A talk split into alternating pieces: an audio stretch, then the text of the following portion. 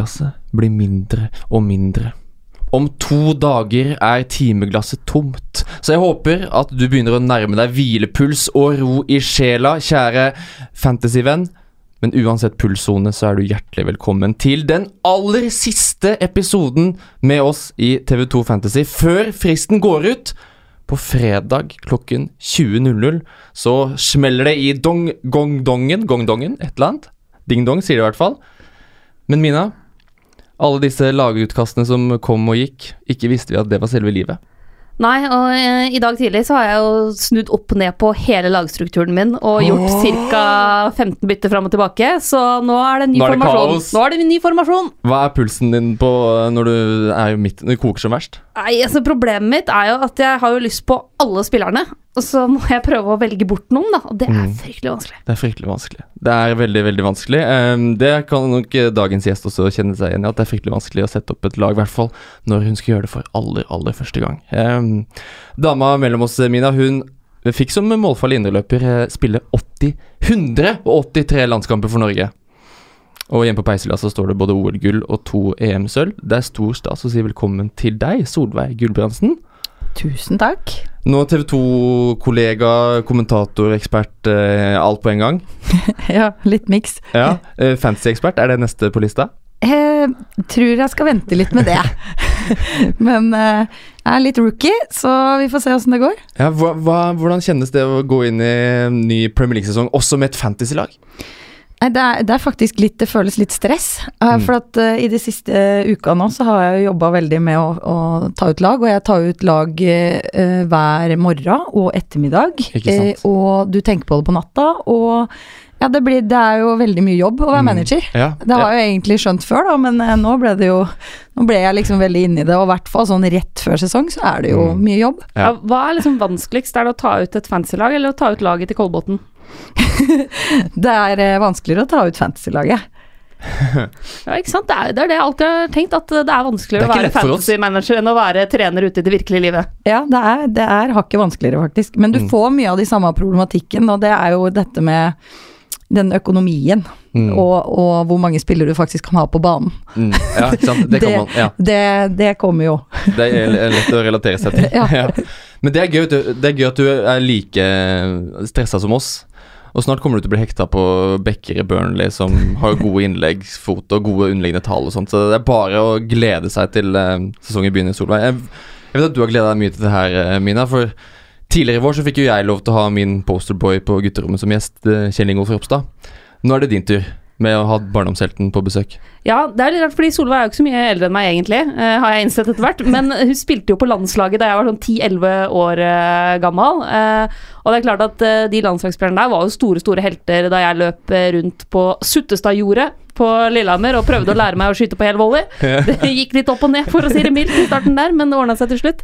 Så det er veldig stas, altså. Ja, det er veldig stas. Det er det, definitivt. Um, men med fantasy nå, Solveig, hva er målet for sesongen? Hva er, hva er en godkjent debutsesong for deg?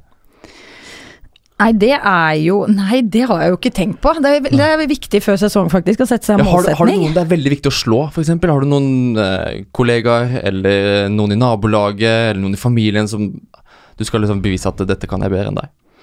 For det har vi jo alle. Ja, det har vi jo alle. Altså, nå er det jo sånn at jeg trener jo eh, gutter 13 på Oppegård, eh, og de er jo ekstremt gode på fantasy. Mm. Altså, noen av de bruker jo veldig mye tid på dette, så jeg tenker jo at det kan være litt viktig for meg å faktisk eh, sette de litt på plass. Um, så det er jo viktig. Og så tenker jeg jo at um, det å klare å klatre litt på den der ekspert, eh, TV 2-ekspertligaen kan jo være viktig. Mm. Tenker jo at eh, å slå Børsli kan være fint. Mm. Ja. Jeg tror det er mange som har mål om det. Ja, det er liksom fast ambisjon for mange i TV 2, tror jeg, å klare det, altså. Ja. Ja, det blir em, Hva er målet ditt, eh, Mina? Nei, det er jo, Nå har jeg klart å slå deg på målstreken to sesonger på rad, så det må jo Mhm. bli at jeg klarer det i år også. Jeg, jeg pleier å slå Ole Martin sånn i siste runde, fordi han da blir, skal være litt for smart for sitt eget beste. Ja. Så han gjør et eller annet som han tror er kjempegenialt, og som bare går helt gærent. Mens jeg spiller sånn veldig trygt og safe. Mm. Og så pleier, har jeg de to siste sesongene klart å snike meg sånn akkurat uh, foran uh, Ole Martin. Så det må være viktig. Denne sesongen så skal det gå. Så skal jeg klare det. Um, til alle dere som har eh, ligaer dere ehm, er på jakt etter og har lyst til å være med i noen ligaer, så har vi en egen podkastliga. Den er, må jo um, må jo også være med i Solveig eh, etter hvert. Jeg har en liakode her, så det er bare å skrive den opp, du som hører på, uh, som ikke har fått være med i eh, TV2 Fantasy-ligaen vår. Ligakoden er Q for uh, kumelk. 58 AX3. Det er altså vinnerrekka. Der eh, blir du med den ligaen der, så får, skal vi dele ut Zoom-abonnement annet på over en lav sko. Så det er bare å bli med der. Der er jo vi med også, Mina. Og vi skal yep. prøve å få med alle gjestene våre også. Der så kan man jo se da hvem som blir den beste av oss. Det er jo ikke den offisielle ligaen, da, som heter TV2. Som er det som heter Broadcaster League, som er da den offisielle ligaen for hele Norge. Vinneren av den ligaen får en VIP-tur til England. Så den er dere med i alle sammen her i Norge. Så får vi se om det er en av oss tre som kanskje får den turen. Det får vi, det får vi se på. Um, det er som sagt to dager igjen. Eh, det begynner å dra seg til. Um, men vi må jo prøve å ta med oss litt lærdom fra forrige sesong, Mina. Ja, det synes jeg vi må. Så da har du fått din egen spalte, du, til denne nye sesongen. Ja, det er veldig stas. Ja, Har egen spalte og greier. ja du fått jingle og alt. Skal vi høre Oi, hvordan den høres ut? Ja. Da sier vi vær så god til eh, Minas nerdehjørne. Åtte skudd på mål. 22 sjanser skapt. Heatmaps. 10 000 touch innafor 16. Minas nerdehjørne. Ja, i dag så tenkte jeg at vi skulle se litt på Ik ikke noen kommentarer om, uh, om jingeren? Kjempefin jingle, Ole Martin. Ja, jeg har Eh, ikke tusen takk, da, tusen takk. ja. Tusen takk. Vært med på å Eh, skrive litt manus. ja. Du er en god tekstforfatter. Uh, yes, nei, jeg tenkte vi skulle se litt på forrige sesong, men jeg tenkte egentlig at det som kanskje er mest interessant nå, før det virkelig braker løs, er å se litt på hvem som overpresterte i fjor, og hvem som underpresterte. Uh, så jeg kikka litt på, hvis vi ser på da målpoeng, da mål og Mm. Før du tar tallene mine, magefølelsen din, Solveig. Hvem føler du overpresterte forrige sesong? Sånn top of your head. Oi. Ja, si det, du. Eh, ja, så skal jeg ta det kjapt. Eh, jeg, jeg føler jo at Pogba underpresterte, i hvert fall. Ja. I forhold til antall Underpre- skudd ja. og sånn, eksempel. Underpresterte første halvdel av sesongen. Ja, altså i forhold til litt. sånn hvor mye han Jeg tror han har ekstremt mye avslutninger og skudd, og skåra jo på straffer, men han har veldig lite uttelling på mål, Mm. Eksempel. Mm. Ja, han er blant uh, dem som underpresterte litt på målpoenga i fjor, ja. Ja, hvis du tar ut bort straffer, da. Så, Ja. ja. Mm. Det stemmer. Uh, og så er det Altså, jeg har kikka både litt på mål her, men også på målgivende. Uh, men vi kan jo begynne med mål, da, for det er jo det som tross alt gir mest poeng. Eh, og de tre spillerne som overpresterte mest i fjor når det kommer til mål, her snakker vi om da om expected goals og faktiske mål. Eh, faktiske mål er lett å forklare. Det er jo de måla man har scora, hvor det står i dommerens målprotokoll og på Fantasy at her scora Felipe Andersson et mål. Mens expected goals, det er et sånn, sånn mål man bruker på Man ser på avslutninger Mm. som spillere har, og så gir man de en type eh, ja, en rating da, basert på hvor stor sannsynlighet er det for at denne avslutninga ender med scoring. Mm. Det er expected goals. Hvor mange mål kunne vi forvente at disse spillerne burde skåre, basert på hva slags type avslutninger de hadde, og hva slags type skuddposisjoner de egentlig kom seg til, da. Det er eh, veldig mye større sjanse for å skåre et mål hvis du fyrer fra innafor 16-meteren, eh, enn hvis du f.eks. skyter fra 25 meter. Så eh, expected goals er det sannsynlighet eh, for måla man skulle skåre. Og de tre som har på en måte overprestert mest på det i fjor, det er på tredjeplass Ward Prowse. Nei! Jeg vet at han er en darling for deg, Han- Ole Martin. Eh, men eh, han skåra sju mål i fjor og hadde da expected goals på 3,7. alt? Nestemann på lista, Hong Min Son. Voldsom Oh. flyt i en periode der. Skåra tolv mål. Eh, expected goalsene hans var 7,7. Mm. Men den som overpresterte aller, aller mest ifølge tallene, det er Sadio Mané. En av de tre toppskårerne forrige sesong, hele 22 mål. Men Mm. ifølge de sjansene han kom seg til, og de skuddene han kom seg til, så burde han egentlig bare skåra 16,2. Men er det ikke sånn som spiller eh, Altså, nå spør spillerne i rommet her, Solveig, det er deg. Eh, når du er inne i flyt, når du har selvtillit Da er det jo mye lettere å score på de sjansene som egentlig ikke er en sjanse. Ja, det er jo det. Og noen har jo den evnen også, på å på en måte eh, Litt sånn som sånn nå, syns jeg er en sånn type som, som uh, Alt går inn plutselig. Ja, altså, men det er jo ikke tilfeldig heller, for det handler jo litt om hvilken type avslutningsteknikker du bruker. Uh, om du på en måte inni boksen er kald og rolig og veit hva du skal gjøre, og det går kjapt, det er automatisert, da. Mm. Og du ser jo noen av de spillerne går igjen i forhold til eh, Ja, inne i boks så syns jeg sånn som sånn for eksempel er jo det, og det samme med Mané. Altså når han kommer i boks på et innlegg, selv om han kanskje ikke er den største og den kommer mot huet, så nikker han den Mm. enkelt uh, plassert. uh, det ser så lett ut, da. Mm. Så det handler jo om en evne også. eh, men selvfølgelig, det er jo Noen lag har jo hatt flyt i visse situasjoner, og da er jo også noen spillere som kommer med i den med selvtillit, er jo viktig. Mm. Og det var litt som Sala en periode, når han ikke scora, så gikk det jo lenger og lenger tid, og du ser jo også spillere da begynner å agere annerledes. De begynner å bli drible kanskje en ekstra fordi de ønsker å score. Altså, det blir en sånn ond sirkel, da. Mm. Ja, det påvirker på en måte valgene du tar ut på bana, fordi du blir såpass stressa på ei f.eks. måltørke, Mm. eksempel, eh, at du da ikke klarer å gjøre det som du egentlig har automatisert, som vil være det beste valget, men skal liksom komme på noe lurt. Ja, og som indreløper sjøl, når du kommer rettvendt, uh, f.eks. I, i en situasjon foran 16-meteren, så hadde jeg en sånn regel at jeg skulle gå rett mot mål, uh, for å liksom ha en selvtillit på det å gå på mål. Og hvis den målmuligheten lukker seg, så vil jo pasningsalternativet komme ganske enkelt. Mm. Men hvis jeg hadde lett etter muligheter, så ville jo målmuligheten være borte først. Ja, for Sånn det tar for lang tid. Det tar for lang tid, for da skal du begynne å lete etter det. Sånn at det handler jo om det, og hvis du da på en måte eh, ja, begynner å rote med det som er eh, naturlig for deg, så tenker jeg at eh, ja, da, da går det for seint, og da går de målsjansene bort, da. For sånn som i Sadio Manés tilfelle, ta han som eksempel.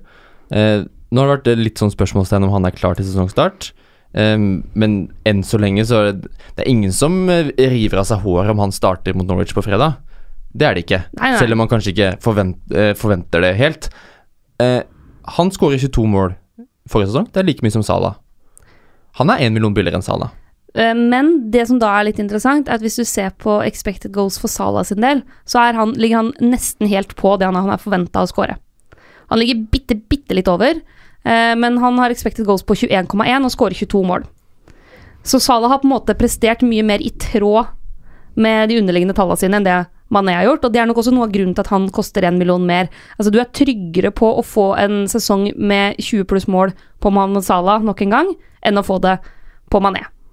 Eh, Men det er også en sjanse for at Mané kan Den ene millionen han er billigere enn Salah, så kan han være et bedre kjøp enn Salah. Ja, ja, det er det jo alltid. Men det vet vi ikke ennå. Men, men jeg skal ta litt om assist også. Ja. Eh, fordi det er et par ting jeg syns- der syns er interessant. Og det er eh, En av de assistkongene i fjor som kom litt ut av ingenting, var Ryan Frazier. Ikke sant? 13 assist når du spiller på Bournemouth. Det er ganske bra, sammenligna med f.eks. Kristian Eriksen, som hadde 12, da.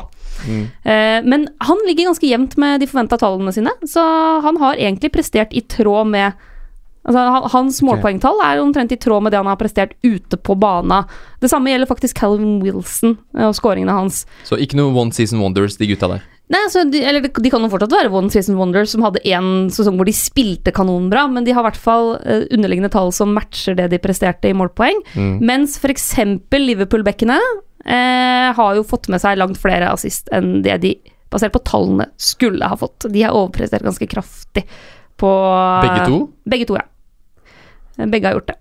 Så det er et, kanskje et lite varsko for de som har tenkt å bruke alle pengene sine på Liverpool Becker. At uh, de kommer sikkert til å fortsette å prestere bra, men at vi skal få tosifra antall uh, assist på begge Liverpool-backene denne sesongen her, er uh, kanskje ikke noe du skal sette hus og hjem på.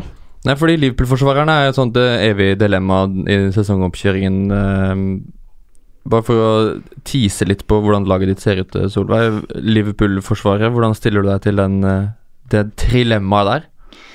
Nei, altså jeg, det er jo akkurat dette, da, med det Veldig mange snakker om at man fikk så mye poeng på forsvarsspillerne, eh, og at det plutselig var lurt, da, å gå for det. Men så har jo jeg en forkjærlighet for midtbanespillere. Ja. Så jeg har slitt litt med det, og så har jeg jo bytta da lag. Men i dag ser laget mitt I dag har jeg 3-5-2. Mm. Så i dag gikk jeg for tre, eh, tre eh, forsvarsspillere, og da er van Dijk og Alexander Arnold inne. Mm. Ja. Så da har du ikke med Robertson, Nei. han som plukka flest poeng forrige sesong. Nei, og det er egentlig veldig rart, for jeg liker Robertson veldig Ja. godt. Så jeg veit ikke, men jeg lurer på om det var noen som nevnte et eller annet om dødballer. Yes. Og det var da jeg tenkte mm, da, det er viktig. Mhm. Ja, Trent Alexander Arnold tar noen, han har tatt noen smarte corner i Champions League, i hvert fall, men han tar jo noen gode Han har god innleggsfot.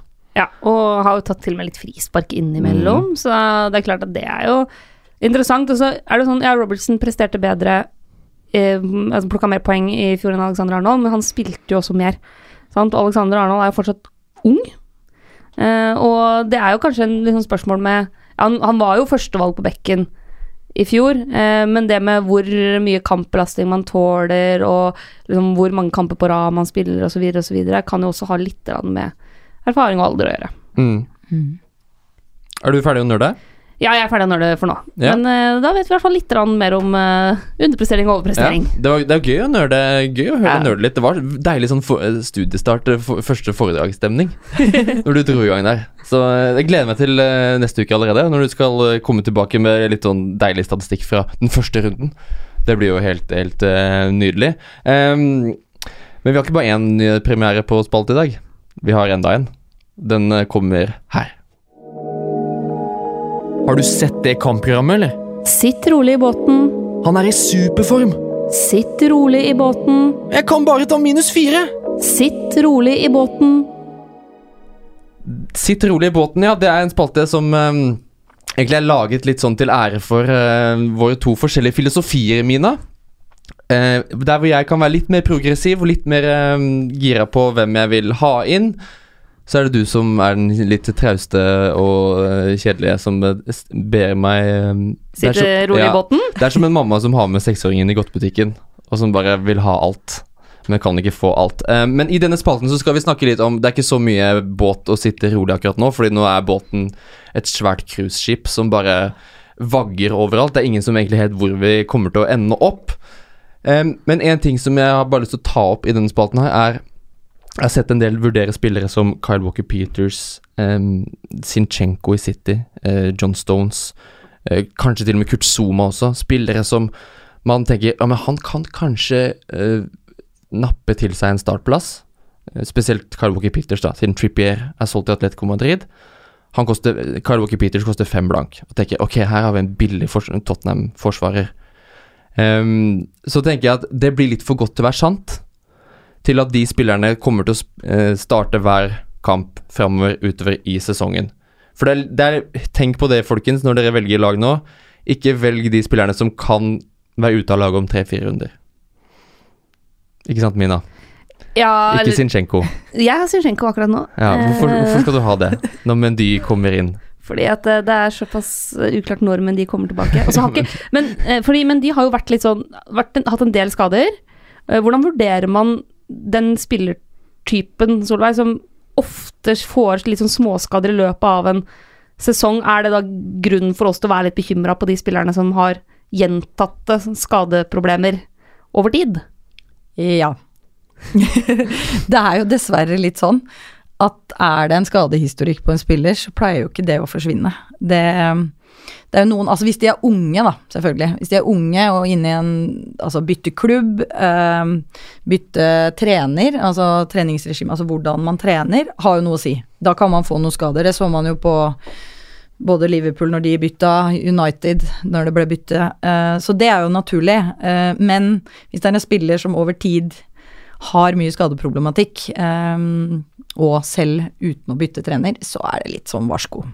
Og som trener, da, hvis du har Ok, du har en fyr som du må starte med på, på bekken, i dette tilfellet her, da. eh, som kanskje presterer ganske bra i starten, og, og det, men så sitter du og venter på superstjerna di som egentlig er på vei tilbake fra skade. Eh, men hvis denne, denne vikarbekken presterer bra, presterer godt, er det fristende å da heller bare la han spille en del, og så holde igjen den uh, spilleren som ofte sliter litt med skade, sånn at du er 100 sikker? Ja, og det er jo viktig da, å gjøre. Hvis det fungerer, så er det jo viktig å la den spilleren bli 100% klar før man, før man spiller, og kanskje også eh, få mm, ikke fulle 90, eh, men få innhopp eller få starte og så spille. Men, Men det, jo, men det er jo veldig fort gjort at vi veit at stjernespilleren kommer til å få spille. Så Ja. det er jo Men de kommer til å få spille. Det er jo sånn det er. Det er sånn det er. Det er en grunn til at de er stjerner, Mina. Ja da. ja da. Men Eh, er billig og fin. ja. Um, det, er ganske, det er ganske drøyt at du har Det er karakterbrist fra deg. At du skal ha Zinchenko, og jeg sier at du må ikke ha han. Men fordelen med Zinchenko er at han koster fem og en halv. Og det er det ganske mange andre Ja, Jo, men det er det ganske mange andre forsvarsspillere som jeg syns er interessant, som også gjør. Eh, sånn at eh, vi kommer til å få litt forvarsel sannsynligvis når de er tilbake. Mm. Men da er det ikke så vanskelig å bytte ut Zinchenko fordi han er i samme priskategori som, kategori som f.eks. Stones Otamendi. Og da på sånn tre-fire kamper nå Zinchenko kommer i hvert fall til å spille tre-fire kamper før Mendy er tilbake, tipper jeg. Ja, så vet vi kanskje hvem er det som blir førstevalg på stoppeplass i Manchester City. Eh, Vi har jo et nykomponert United-forsvar. eh, som begge altså Maguire og Wambisaka og Luke Shaw og Lindløf, hele den gjengen der koster det samme som Zinchenko. Eh, jeg vet ikke helt hvordan det kommer til å slå ut for Manchester City defensivt at du får inn, du får inn to nye førstevalg da, i backrekka. Og det trengs jo. Definitivt. Eh, men jeg vil gjerne se det i et par kamper før jeg liksom slenger meg rett på. Så det er såpass mange alternativer i den prisklassen at jeg tror jeg satser på Zinchenko. Dama har blitt gæren. Det er helt utrolig. Hva har skjedd med deg i sommer, eh, Mina? Det... Hadde ikke du et mål om å være litt gæren, egentlig? Ja, det er det. Det er det Ah. som har skjedd. Ta litt mer risiko. Ja, vi skal Ja. møtes litt sånn på midten. Yes. Mm. Ja, da kan jeg bli litt mer kjedelig. Det er godt, da. Ehm, eh, vi må En ting er disse bekkene, først og fremst, forsvarsspillere, eller disse spillerne som man tenker ok, her gjør det at du gir deg automatisk et bytte utover i sesongen. Um, en annen ting er at disse spillerne som har hatt uh, mesterskap for sine landslag i løpet av sommeren. Uh, da tenker jeg på Jimenez var seint tilbake. Eh, Mané har vært seint tilbake. Aguero har vært seint tilbake. Spilte ingenting mot Liverpool i Community Shield der. Normalt sett navn som veldig mange ville hatt rett inn på laget fra start. Men så er de ikke 100 klare til sesongstart. Så det jeg lurer på, Sola, er hvor mye ferie en fotballspiller egentlig trenger. Ja. Jeg trenger mye ferie. Ja. Nei, det, Tror det du Sadio Mané starter mot Norwich på fredag, for å stille det konkret? Han kom tilbake i går, gjorde han ikke det? Han kom tilbake til Liverpool i Jo, går jeg sånne bilder han års, gikk i garderoben der. Jeg tviler kanskje på at han starter. Eh, men sånn normalt sett så tenker jeg han skulle ha starta, uansett. Eh, men i og med at eh, han kom tilbake nå, så tenker jeg at Og den første matchen skal de på en måte vinne uansett. Eh, kanskje han kommer innpå, eh, eller noe, men jeg tenker jo det er litt sånn greit å kanskje vente, da. Det er ikke den verste kampen å hvile Nei. han i. Det er akkurat det. Å få kommet i gang. Men det er jo veldig spesielt. Altså, jeg er jeg, jeg skjønner ikke helt hvordan disse gutta klarer dette helt, egentlig. For den, den sesongen de driver med nå, eh, de siste åra, er helt eh, ja, det er nesten litt sånn rovdrift. Altså Det Mm. går i ett, og det er mesterskap eh, hver sommer hvor du egentlig veit at kroppen trenger egentlig litt tid på restituering. og ikke minst opptrening. Altså når skal du på en måte hente deg inn igjen og få bygd opp kroppen? Fordi det å spille kamper på kamper er jo egentlig nedbryting. Så jeg, jeg er veldig imponert over hvordan, hvordan de får dette til, og veit jo litt Altså at det jobbes jo mye med at de skal bare levere hver match, liksom. Mm. Men hvordan de får til, og hvordan de legger opp denne treningsregimet i Altså hver uke etter uke, da. Og så kommer det Champions League og Europa League og doblekamper. Og det er jo der spørsmålet kommer inn på, for min del, på Liverpool versus City, da. Mm. Ja. Eh, fordi Manchester City har jo et B-lag som er på en måte veldig, veldig bra. Eh, og Liverpool kan de gå gjennom en sesong med spesielt de tre på topp, da. Uten skader Mm. igjen. Og der også kommer det jo litt an på alder på disse som er i, i mesterskap. Altså det er en, den gullalderen fra dem er en 24 til kanskje 28 der. Så tåler du mye mer, men med en gang man kommer over en, Ja. liten Hvor mye trenger de å hente seg inn igjen? Hvor mye pause må man egentlig ha, da? Det har Ja. ikke jeg tenkt på. Fordi det syns jeg er interessant. Disse alder, tap, sånn som Sergio Aguero, da. Som er 31, er han ikke det? Eh, jo, han er, han er 31. Eh, Gammel blitt. Gammal. Gammel kar. eh, og har spilt Copa America i sommer. Mm. Litt seint tilbake, satt på benken nå på søndag mot Community Shield. Eh, og en skadehistorikk som Han får jo ofte et par skadeavbrekk i løpet av sesongen. Eh, hvordan ville, hvis du hadde vært Pep, da, hvordan ville du ta, da tenkt med, med Aguero nå i, helt i starten av eh, sesongen? Og også City, som jo var med lenge i mange cuper forrige sesong, som også spiller litt inn. Altså Fordelen med de eldre spillerne er jo at de begynner å kjenne seg selv og kroppen veldig bra. Sånn at eh, de begynner jo på en måte å ha, ha mer kontroll på ting. Hva trenger de? Hva er viktig for å liksom formtoppe, da. Eh, Men, men i tillegg så handler det jo litt om den, det psykologiske aspektet, for det veit du aldri helt i forhold til disse spillerne. Eh, Når du kommer hjem fra et mesterskap, så kan det jo ha gått bra for laget, men det kan hende at spilleren sitter igjen med dårlig selvtillit. Det kan være ja, også motsatt. At spilleren har egentlig har en, hatt en kjempebra opplevelse.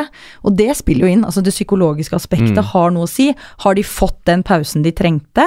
Eh, og det er liksom diskusjoner mellom klubb, manager, um, hvordan er ståa der? Og hvis du bare veit som spiller, da, at du Hvis du blir enig om at liksom jeg trenger tolv dager, får jeg det? Ok, du får de tolv dagene. Så er du egentlig happy når du kommer tilbake.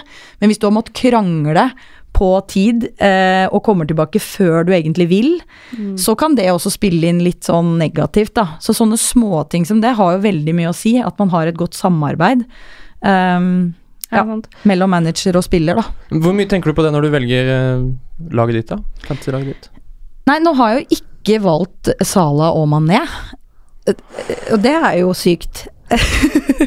så jeg sitter jo her nå og er jo veldig usikker. Jeg skal jo kanskje bytte lag igjen. Altså Akkurat nå så er jo de to spillerne på topp, er Rashford og Jimenez som står med skade. Så det er jo ikke akkurat Det lukter jo ikke krutt. Eh, nei. Men vi kan Eller, is, is, altså Rashford og Jimenez er jo isolert sett Når de er 100 friske, så er det jo ganske nærme krutt. Ja da, men de er ganske billige, så det var litt det. Jeg endte opp der fordi midtbanen var så dyr. Ja. Ja. Du gikk Ja. gjennom forsvarsrekka di i stad. Uh, hvem har du på keeperplass? Eh, den som står i mål, er eh, Alison. Mm. Så du kjører tre Liverpool-defense, altså da i tillegg til Alexander Arnold og van Dijk? Ja. Så Satser på at de ikke slipper inn mål. Ikke sant? Ja, men jeg har vært inne på tanken sjøl. Ja, du har snakka om det senest i går, Ja. du, at du hadde lyst på å ha tre Liverpool defensivt. Mm. Jeg vurderer det, det veldig sterkt selv. Um, men det er fryktelig skummelt å gå uten Sala. Så jeg er ikke like gutty som Solveig. Men hvordan er midtbana di, da? Midtbanen, da er jeg en femmer, da, og da har jeg Barkley, eh, De Bruyne, Stirling, Perez og Tilemans. Det er jo en snacks i midtbane, det, altså. Eh, Jeg har så lyst til å gjøre Jeg har så lyst til å gjøre ak akkurat der. Alison, og så to Liverpool, og så kjører jeg til Bruyne og Stirling. Åh! ja. Fordi eh, De Bruyne skada mesteparten av sesongen i fjor, eh, men tilbake nå. Du har trua?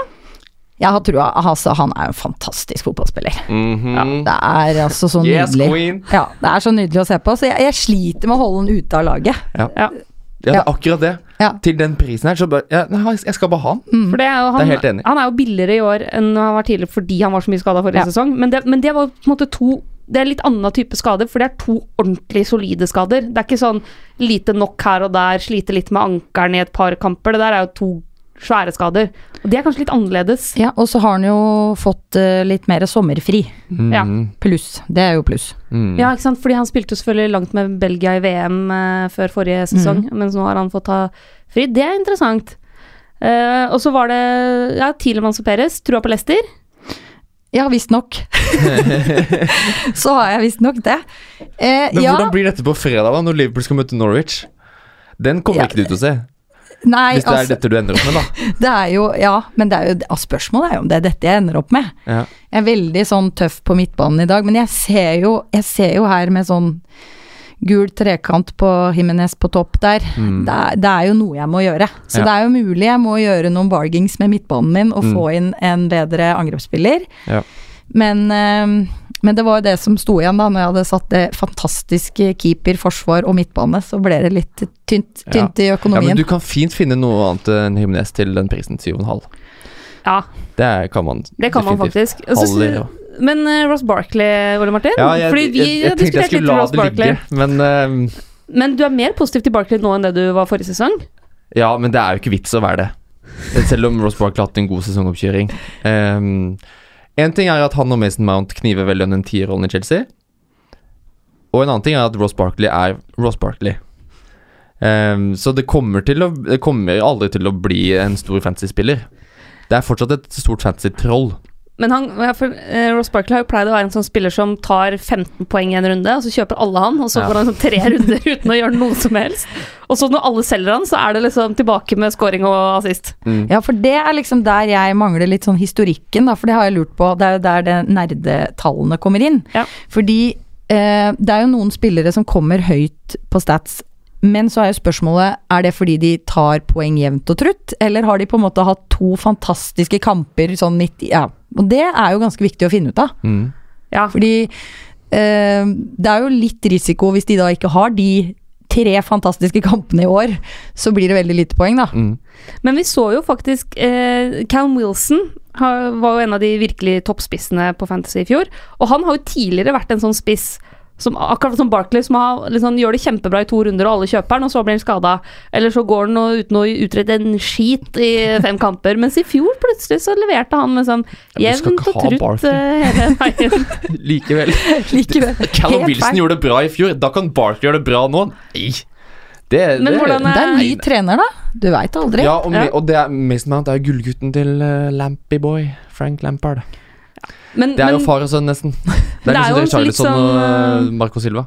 det er jo en Ja. litt sånn vanskelig priskategori også, det der, Det er egentlig, det der. på midtbana. Fordi det er jo eh, Ja, jeg, jeg, sli, jeg, jeg sliter med å finne noen til seks blank. Eh, fordi, ja Den er litt vanskelig, akkurat den seksblank, men Gå innom laget ditt Amina. Jeg kan gå gjennom laget mitt. Det har jeg sånn Vi må høre benken til Solveig først, da. Ja, det må vi gjøre. Benken, det er Heaton, eh, Kelly, Aarons og Greenwood. Mm. Ja, ikke sant. Det er sterk benk. Det er sparebluss. Ja, det. Ja. Men det er det for så å si alle, alle oss, det. Um, bare for å ta det kjapt det. Martin Kelly som har vært liksom den som ser ut til å kunne få mest spilletid til fire blank. Det, det kunne jo ikke gå.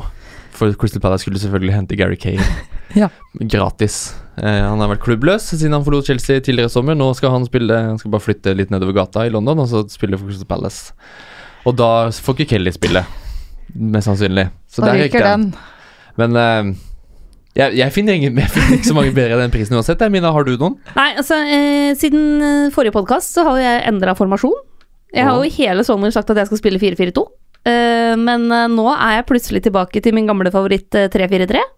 Eh, og det skjedde jo litt nettopp fordi jeg syntes det var fryktelig vanskelig å finne gode alternativer å ha på benken på spissplass, og i Forsvaret. For jeg syns det er så få av de skikkelig billige som jeg har trua på at får noe særlig spilletid. Så derfor så har det skjedd litt endringer her. Akkurat nå så har jeg Nick Pope i mål. Det har jeg jo hatt ei stund. Min eh, trio i forsvar er akkurat nå eh, Robertson. Uh, Lucadini, som jeg jo har slakta for ei uke siden, og meint at ingen burde ha valgt for dyr. Uh. Eh, og så Zinchenko, som jeg for et par dager siden sa at det har ikke vært å gå inn for Zinchenko fordi Mendy kommer til å komme tilbake. Det er bare å spole ja. 30 sekunder fram i den podkasten her nå. Nei, vet du hva, nå sitter jeg faktisk med feil skjermbilde. Jeg endra det. Uh, ja, jeg endra det. Jeg endra Lucadin til Fertongen. Ja. Jeg tok til fornuft på akkurat Lu- Ja. Lucadin, så det er nå Fertongen. Altså, jeg har gjort fem-seks runder før i dag. Så nå er det Fertongen som er der. Han er trygg. Mm. Uh, midtbana mi er Sala og Stirling. Klarer fortsatt ikke å velge. Gå for begge to. Uh, og de to andre er da Ayose Perez, som tross alt har vært brukt en del som spiss i oppkjøringa. Kan bli bra. Og så er det Wilfred Saha, som har den derre sju blank-plassen. Yes. Det vil si at Bernardo Silva er ute. Gylfi Sigurdsson forsvant før i dag. Uh, så det er Ja. Og så har jeg da en spissrekke med Jamie Vardy, Joshua King og Jota. Så nå plutselig er spissrekka mi. Okay. Eh, og da betyr det Den Dunker, Dunk og Lundstram på benken. Eh, så vi får se, da. Den også lukter, lukter svidd av. Men det det, skal, det det skal sies, at med dette laget her, så har jeg eh, 0,5 millioner i banken. Det er, det, det er det en veldig konkret grunn til. Eh, og det er fordi det er to spisser som jeg har både magefølelse og hodet sier meg at de her kan bli kanon denne sesongen her. Det er Moise Keane i Everton, som koster sju blank, og så er det Sebastian Haller i Westham, som koster sju blank. 7,5 koster Jeg koster, koster han Haller koster ja, 7,5. sju og en halv, ja, sånn, ja. Så, men Så det er røyk. hele plassen. Nei da. Jo, jo, men, de, men den halve millionen er litt sånn i tilfelle Fordi jeg har jo to spillere her som koster eh, 6,5 på, på, i spissrekka. Så jeg har lyst til å ha litt å gå på i tilfelle noen av de der dunker noe voldsomt. Eh, men den jeg er mest spent på, er jo Keane. Mm. Fordi Everton har slitt med å ha en spiss som leverer. Keane er 19 år, fryktelig ung, men har sett enormt bra ut de gangene han har fått sjansen for Mm. Juventus. Eh, og har liksom både fysikk og teknikk og er smart og liksom Det er noe helt vanvittig tall. Altså, han skåra i fjor i Serie A. Han starta fem kamper, skåra seks mål. Ja. Eh, det, når han er, funker, så er det knallbra, så jeg sitter og kommer til å følge veldig nøye med på han. Eh, og så har jeg da som sagt litt penger i banken i tilfelle det er noen her som dunker til. Men jeg har liksom nå det, Jeg har liksom ingen Arsenal og ingen Tottenham. Nei. Og det har jeg liksom måttet evaluere litt. Mm.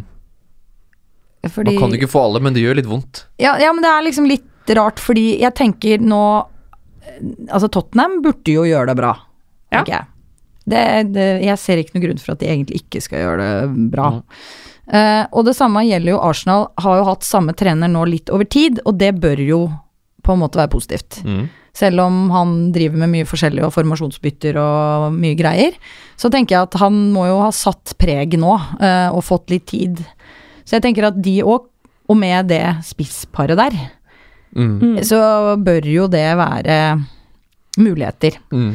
Men jeg, det er ikke sånn at jeg tenker at uh, nødvendigvis de kommer til å vinne Premier League, men, men at de, de spillere der som kan ta poeng. Ja, Ja, ja, definitivt. Så er liksom, hvorfor plass. skal jeg velge da Leicester foran de? Det er Mm. Men det er jo noe med pris, da, selvfølgelig. Men uh. Ja, og de som det kanskje gjør vondest for meg å ikke ha, det er jo sånn som Aubameyang, Kane og Christian Eriksen. Mm.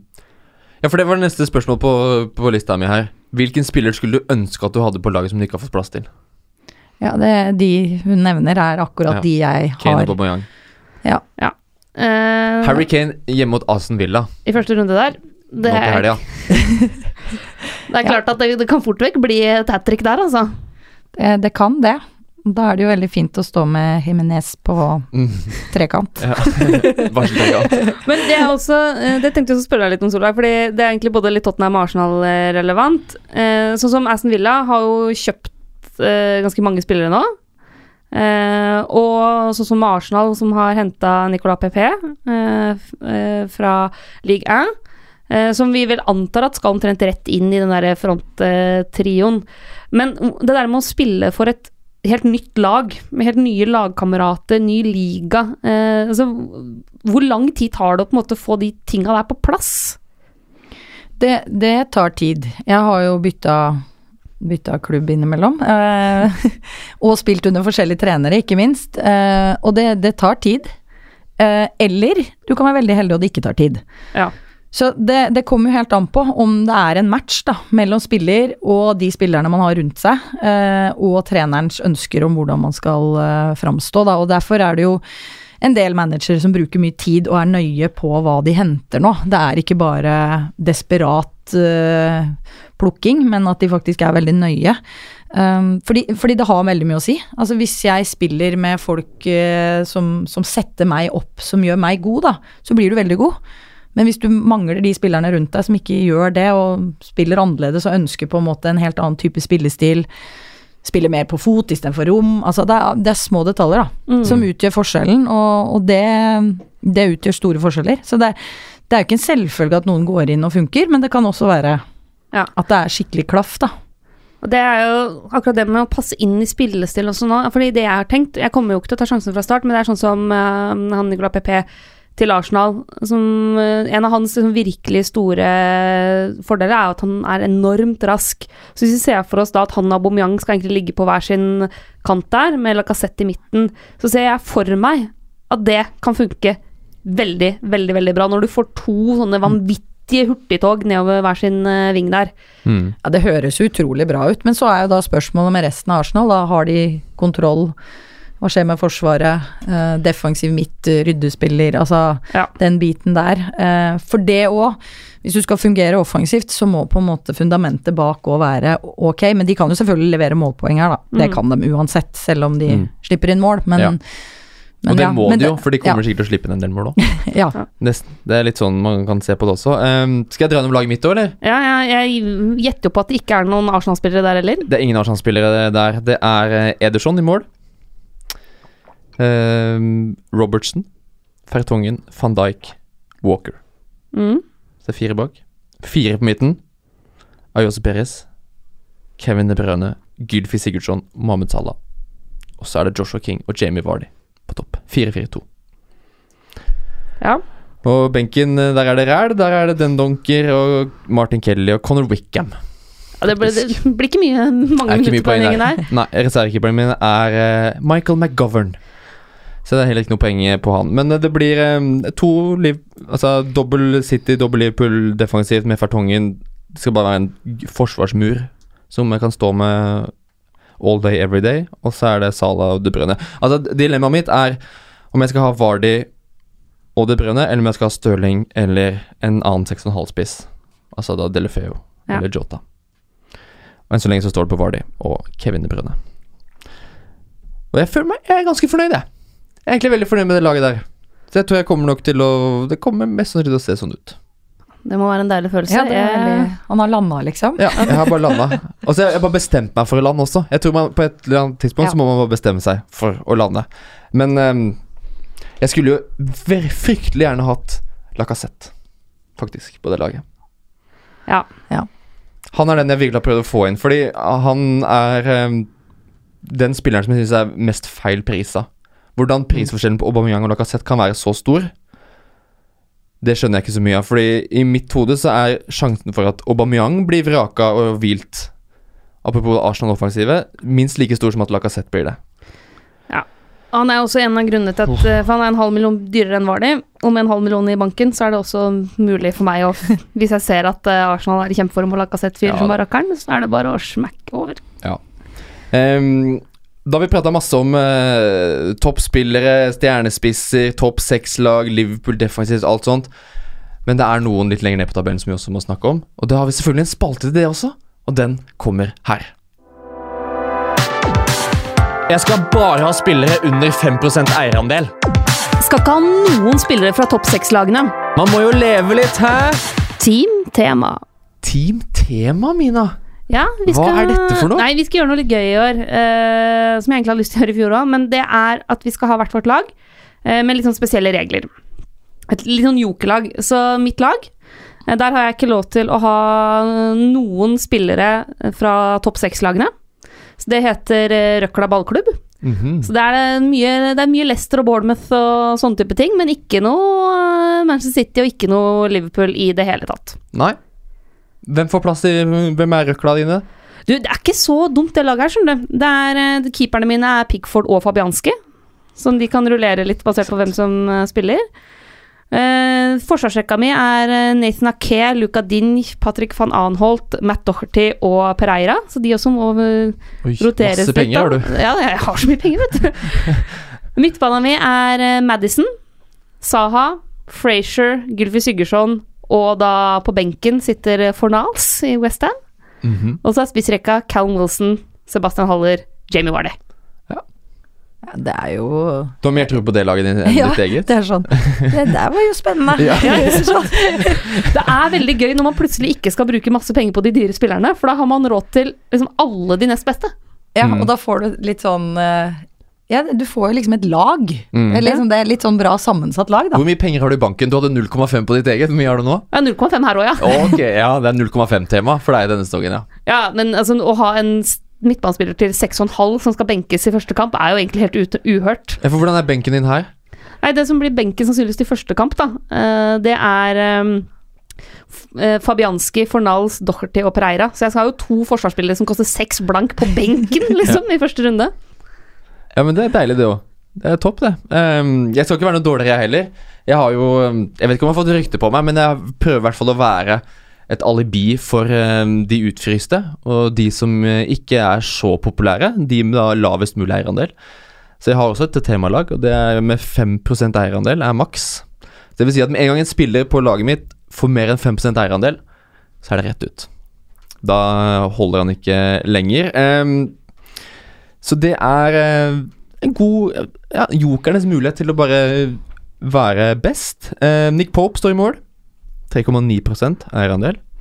Så er det Sheamus Coleman, som har eh, samme prosent eierandel. Fertongen 3,3% Så er det Kolasinac.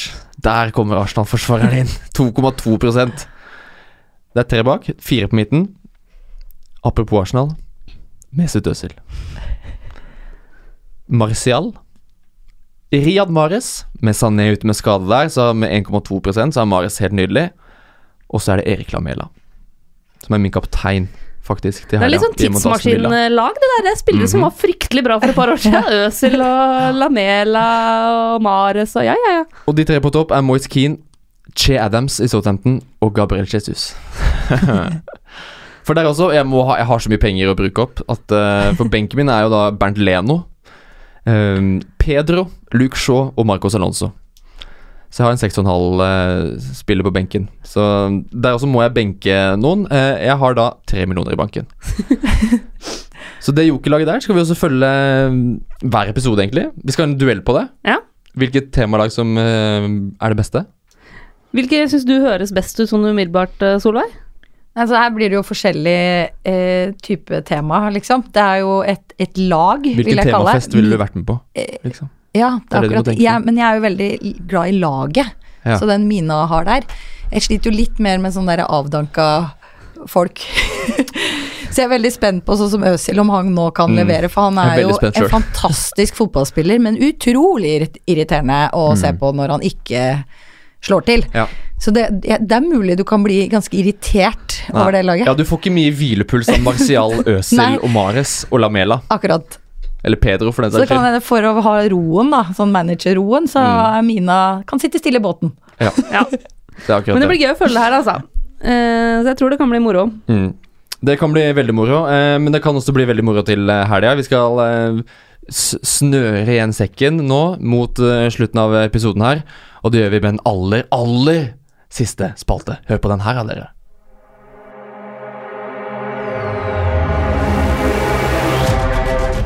Nei, nei, nei, nei! Nå er du helt på bærtur! Det er jeg helt uenig i! Mener du det? Duellen. Duellen er tilbake. Yes. For de av dere som husker at vi hadde sånne Facebook Live-sendinger, så hadde vi alltid duellen til slutt. Nå er duellen tilbake. Um, En litt sånn spesialvariant i dag, egentlig.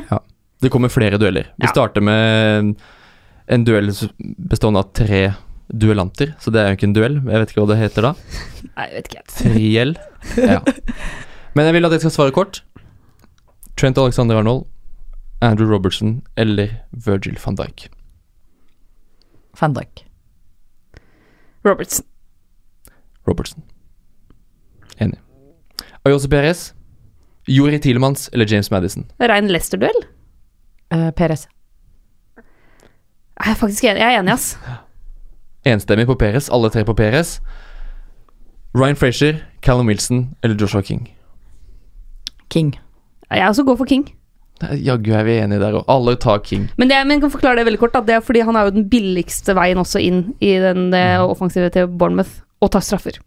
Ja. Det har han bekrefta i intervju med TV 2 eh, før sesongen, det? at han tar straffer. Viktig detalj. Ja. Viktig, viktig detalj. Og eh, apropos eh, god åpningskamp. Bournemouth hjemme mot Sheffield United, første runde. Er, kan man vurdere en Bournemouth-spiller som kaptein til helga, Solveig? Altså, det er jo lov. Ja, det er lov. Det er lov. Er det lurt? Eh, Det er jo et spørsmål. Um, Har du lyst, har du lov? har du lyst, har du lov. Men det er jo akkurat det som er det vanskelige. Det derre valget der. Mm. Hele tiden. For hvor, hvem er det du har satt kapteinsbindet på per nå? Nei, jeg har jo gitt det til Stirling og De Bruyne. Mm. Ja. Så jeg har jo Som visekaptein på De Bruyne? Ja. Ja, det, jeg ser jo den. Eh, jeg antar du har eh, Mohammed Salah Mohammed Salah. Ja. Eh, for jeg mener at de to beste åpenbare kapteinsvalgene til første runde er jo Stirling og Salah. Og jeg har jo begge to. Ja, hvem Eh, velger du? Du, da går jeg for Sala. Det er litt sånn eh, Jeg prøver av og til å tenke, gjøre, ikke gjøre det for vanskelig å tenke eh, Når jeg har to veldig gode kapteinsvalg, så går jeg for han med hjemmebane. Fordi av en eller annen grunn så er jo hjemmebanefordelen altså Statistisk sett så er den ganske svær, altså. Mm. Så da Godt går jeg for han med hjemmebane. Mm. Ja. Så um, kapteinsduellen der, da. Hvis vi tar duellen et steg videre, inn i kapteinsduellen, så er det to på Sala, én på Stirling. Um, for de som uh, vil ha litt tall Jeg vet du har funnet litt tall på de to, Mina. Ja. Så du må ta inn det. Vi kan først ta Sala mot nyopprykka lag de siste to sesongene. Da har han spilt eh, tolv kamper totalt mot uh, nyopprykka lag. Eh, Har seks uh, mål og åtte assist på de kampene, altså har 14 målpoeng på tolv kamper. Mens da Raheem Sterling på de siste tre sesongene mot Westham uh, har tre mål og seks målgivende på seks kamper. Altså ni målpoeng på seks kamper. Så det er jo ganske solide tall på begge gutta, da. Ja. Ja, må det være lov å si. Eh, hvis vi ser på Mohammed Salah på hjemmebane forrige sesong eh, mot eh, lag som var utafor topp seks, mot Stirling på bortebane mot lag utafor topp seks, så er det sånn at Salah har generelt mye bedre tall enn Stirling. Da er nok den hjemme-borte-fordelen ganske tydelig. Det eneste Stirling har bedre tall på enn Salah der, det er attempted assist, altså forsøk på assist. Eh, Men de er likevel ikke sånn voldsomt ujevne på f.eks. skudd på mål, da. 3,77 per kamp på Sala mot 2,40 på Stirling. Så alt i alt så har begge ganske gode tall i de to settingene. Mm. men Sala hakket bedre, og det er heller ikke så rart med tanke på hjemmebane, bortebane. Og at Sala tross alt eh, leverte enormt gode offensive tall eh, forrige sesong. Mm. Ja.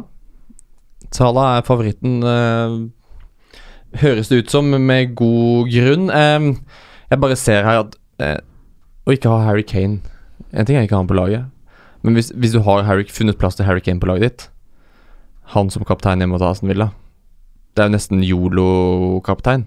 Det er jo helt sykt at ikke flere egentlig snakker om Kane. Men uh, er vi redd for en ankel som ryker igjen, eller hva? Hvor redd er du for å ikke ha Kane, Solveig? Ja, det er jo Jeg tråkker jo over bare jeg går ut, så jeg Jeg må jo teipe hele tida. Så det er jo Og da tenker jeg at han begynner jo å bli litt gammel, han òg, så det er jo kanskje litt risiko. Men eh, Nei, men det er jo det. Du kan ikke velge alle, da. Det er der det, det, er der det blir eh, det er Mm. der eh, Ja, jeg sliter. Ja. For det er jo akkurat sånn når du sitter og sier det der Sala-greiene, så sitter jo jeg her og så Ja, da er jo De Bruyne eh, Altså, det er Ja, nei, det er vanskelig. Det er vanskelig. Det er kjempevanskelig, og jeg skulle veldig veldig gjerne hatt Sala, men, nei, hatt Kane, men med Sala og Stirling. Ved å få inn Mm. Kane i tillegg, så blir resten av laget så fryktelig svakt. Mm. Ja. Så man må jo gjøre noen valg, da. Ja. Man må det. Og de valgene må dere bare ta, folkens. Ikke gjør det noe vanskeligere enn det det er. Det tror jeg vi kan konkludere med. Eh, Salah er, står vi bak alle sammen. Og så, men jeg må si, hvis du går for Kane eller hvis du går for Aubameyang, så heier jeg på deg. Det har vært eh, fantastisk kult. Eh, det har også vært fantastisk kult å ha deg med, Solveig. Det var veldig hyggelig å Vi være har med. kommet til, til veis eh, ende. Vi får, Eh, må få deg innom litt seinere i sesongen nå, når du liksom har hatt dine første ja. fantasy-runder og begynner å lage liksom virkelig har satt seg. mm. Ja, det blir spennende. Jeg gleder meg til det blir sånn der eh, frustrasjon over at kapteinen bommer på store sjanser, og det flyr ting veggimellom, og Det er mye å se fram til. Ja, det, jeg gleder meg. Hva, skal du eh, Denne Premier League her, skal du være hjemme og se kamper, eller? Jepp. Jeg skal uh, sitte foran TV-en, Uh, og det begynner jo allerede på torsdag med oppbygging. Så det blir jo en langhelg Det blir langhelg. uh, med fotball. Mm. Så det, Det blir, det er jo på tide at Premier League begynner nå. Det blir Ja. Det er virkelig på tide. Og langhelga skal vi få lov til å være med på, Mina. Ja, Det skal vi. Fra torsdag og på fredag så skal vi ha litt sånn fancy spesial. Torsdag klokka 21.00 har vi da en time fram til klokka 10. Ser du på TV2 Sumo, TV2 Sport 2. Og så skal vi ha en lite Vi skal ha et halvmaraton på fredag. Rett Vi starter deadline. klokka fire, og så holder vi det gående helt til deadline klokka åtte. Ja, og Så- da kommer jo jeg til å bytte lag igjen, så jeg ser jo at Ikke jeg har ikke landa. Da, da er vi der. eh, For dere som ikke har landa, vi er der for dere som har landa. Og så håper vi at dere får eh, gode dager nå inn mot fristen. Følg med på torsdag og fredag, og se på oss da på TV2 Sport 2 og TV2 Sumo. Takk for at du hørte på. Takk for at du var her, Mina. Yes. Og eh, vi ses og høres neste uke. Ha det bra!